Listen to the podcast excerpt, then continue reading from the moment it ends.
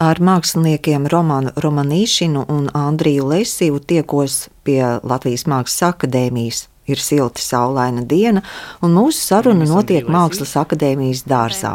Kad esam iepazinušies un zinu, ka ielūgumu viesoties saņēmuši no izdevniecības liels un mazs, vispirms jautāju, kā rit dienas Rīgā, ko paspējuši. Uh, uh, meeting with uh, uh, Latvian readers, also with kids, uh, both uh, Latvian kids and Ukrainian kids who is temporarily or. Mēs esam laimīgi būt šeit. Esam tikušies ar Latvijas lasītājiem, ar latviešu bērniem un ukraiņu bērniem, kuri tagad uz laiku dzīvo Rīgā.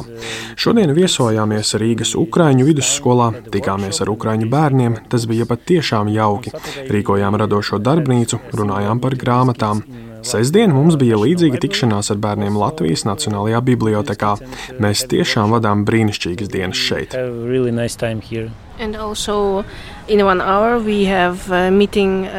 Pēc stundas mums būs tikšanās Mākslas akadēmijā Rīgā un stāstīsim vairāk par saviem darbiem un pieredzi veidojot grāmatu dizainu.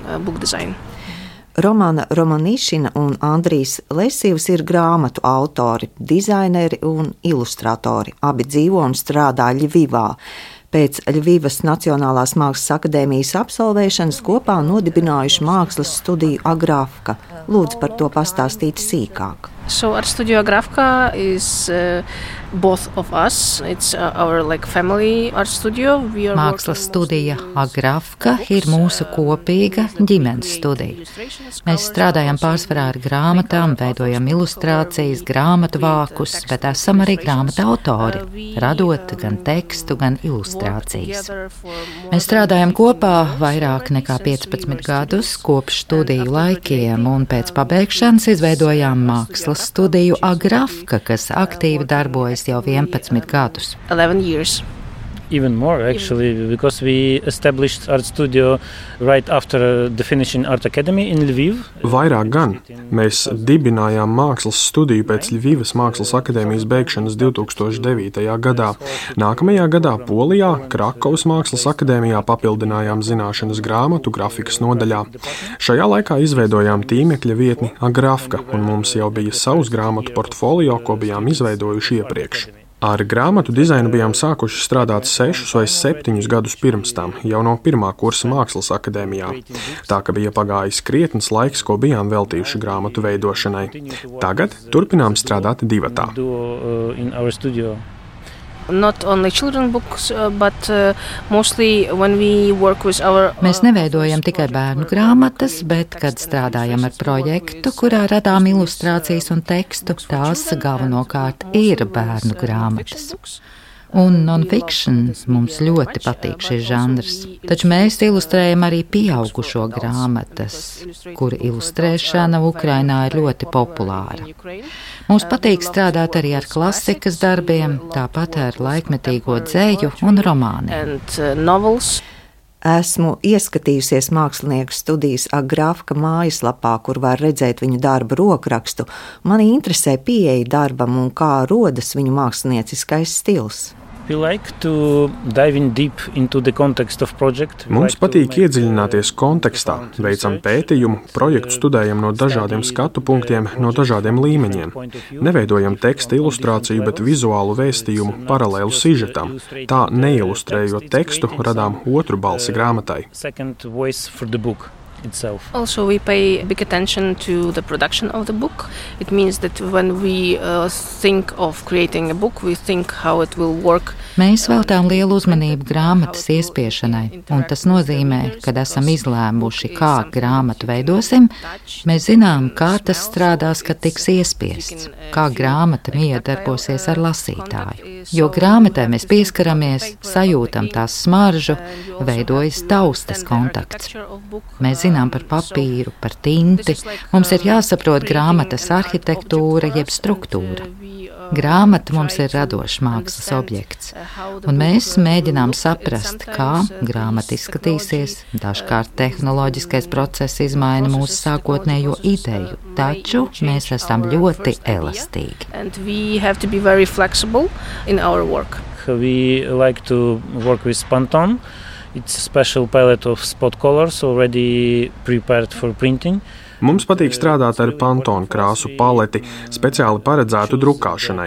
Tas mums ir ļoti svarīgi. Mēs izvēlamies krāsu paleti patiešām uzmanīgi, un katram projektam tas ir unikāli un vienreizēji.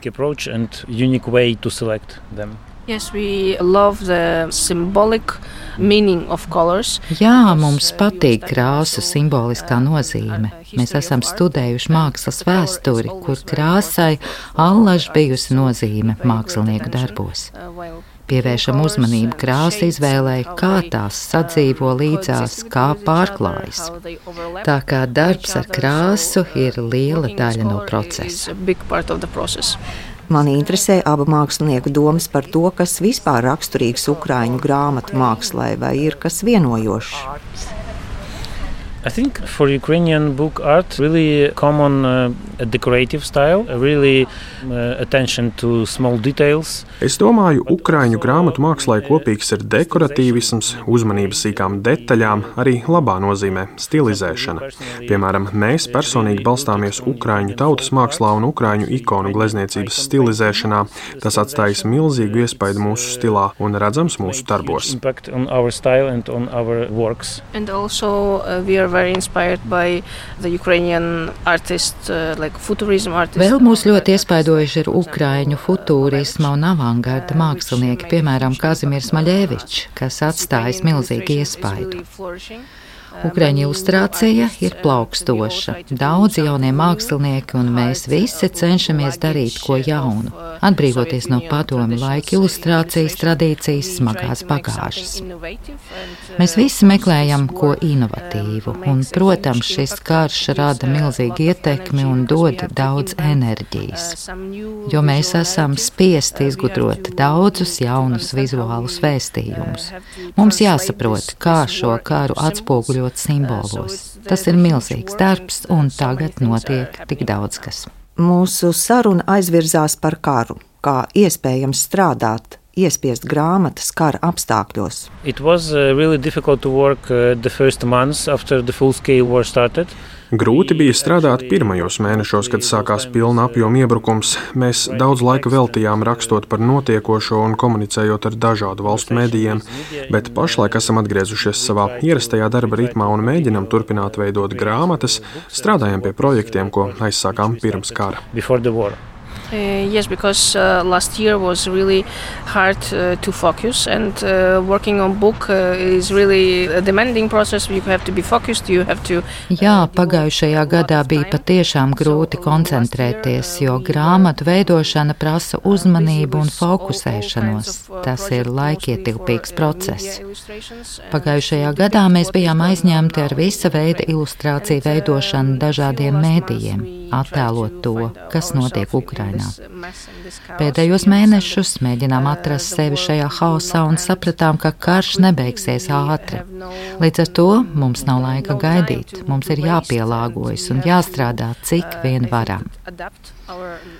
Mums ir tik liela atbildība to cilvēku priekšā, kuri gatavi mirt, arī mūsu draugi pašlaik cīnās frontē. Tāpēc mums jāstrādā divi tik vai pat trīs tik daudz kā līdz šim. Tāpēc mēs plānojam katru mirkli, un disciplīna rada milzīgas pārmaiņas. Uzzinu, pie kā mākslinieks strādā pašlaik. Jau beigu posmā ir darbs pie ilustrācijām mūsdienu ukrāņu autora Jurija Andruhoviča romānam Maskavjāde, kas sarakstīts 1993. gadā. Tas ir izdomāts stāsts par dzīvi Maskavā PSRS sabrukuma laikā. Galvenais varonis sāk dīvaino un biedējošo ceļojumu pa pilsētas ielām, dodas lejā uz metro, tad arvien dziļāk līdz kanāliem un kanalizācijas sistēmai un parādās Kremļa bunkurā. Ilustrācijas ir radītas iedvesmojoties no Botticelli ilustrācijas Inferno Dantes poēmai Dievišķā komēdija. Kopā ar romāna autoru mākslinieki Romāna un Andrijs pēta dažādus imperialistiskās un autokrātiskās ēles slāņus. Mēs atvadāmies, un mākslinieki dodas gatavoties sarunai ar studentiem, kurā iepazīstinās ar savu radošo darbu. Un tā kā šo ukrāņu mākslinieku viesošanos Rīgā organizē izdevniecība Liels un Mazs, kas līdz šim izdevusi četras Romanas Romanīšinas un Andrija Lesiva grāmatas, liels un mazs direktorei Alīsei Nīgalē jautāju, kā aizsākusies sadarbība ar abiem ukrāņu māksliniekiem. Īsnībā, lai cik tas nebūtu skumji, karš, bet ne šis, kas sācies pilnā apjomā 2002. gadā, bet uh, karš, kas sākās 2014. Eh, gadā, bija tas eh, pirmais saskars punkts. To gadu arī mēs visi bijām tādi nobijušies, kā tas būs. Tieši bija jādodas uz Boloņas grāmatu tirgu. Es atceros, vēl ar kolēģiem ar tādām bažām braucām, ar tādu drebušu sirdi atstāt arī varbūt ģimeni šeit. Jo, ja nu pēkšņi tas viss izvēršas ļoti strauji, un Krīma ir tikai tāds pirmais punkts. Un, savukārt Boloņā viņu grāmatas zvaigznes un magoņas ēkliņas bija starp Boloņa gada laureātiem. Un uh, izdevniecība Starīļēva uh, bija ar stendu, kas bija noformēts ar šo grāmatu. Viņi nu, tāda simboliski stāvēja, protams, arī ar Ukraiņas karogiem. Tur, uh, tas bija kaut kāds tāds, nu, priekš mums tas bija ļoti tuvi un ļoti cieši. Un mēs vienkārši piegājām aprunāties, iepazīties. Un tā arī nu, nolēmām toreiz izdot to grāmatiņu, kas bija arī pirmā, ko mēs izdevām no viņiem. Un tad jau tālāk būtībā tie bija viņu panākumi, kas, protams, arī mūs iedvesmoja izdot tās grāmatas, un arī vienkārši tāpēc tās ir brīnišķīgas grāmatas. Tad vispirms mēs izdevām uh, Tā es redzu un skaļi klusu čukstus, kas ir tādas izziņas grāmatas. Man šķiet, ka tās ir nu, arī savā ziņā tādas crossover uh, grāmatas, jo tās ir interesanti pētīt un tiešām var uzzināt lietas gan bērni, gan pieaugušie. Gan man šķiet, arī mākslas un dizaina studentiem ir interesanti skatīties, kā viņi domā būtībā šajās grāmatās un kā viņi izvēlās savienot faktus ar, ar uh, ilustrāciju un dizainu. Tagad, kad sākās pilna apjoma karš, tad uh, mēs nolēmām, ka ir jādara kaut kas vēl. Un, nu, mēs, mēs uzreiz sākumā ķērāmies pie kaut kādiem maziem atbalsta instrumentiem, piemēram, grāmatu tirgu, kas notiek Ķīpselā. Daļu ienākumu ziedojām Ukrainai. Un, un, Aicinājām mūsu kolēģus starptautiski būt skaļiem un iestāties par Ukrajinu un tā tālāk. Un tad uh, nāca šī ideja, ka grāmatu karš, kurš pārvērt raundā, varētu tikt izdot latviešu kā tāds uh, atbalsta projekts. Un uh, izdevās ļoti veiksmīgi arī iesaistīt visus gan Jāgaus tipogrāfija, gan uh, Arctic Paper un Antālis, un arī to, ka es Mārcis Salējs un arī mana komanda, mēs visi strādājām bez maksas, lai šī grāmata taptu un lai visus ieņēmumus mēs varētu ziedot uh, Ukrainai, kas šobrīd joprojām notiek, vēl pārdošanā ir daļa tirāžas un, un katrs pirkums ir 15 eiro ziedojums Ukrainai. Caur fondu ziedot LV to mēs darām.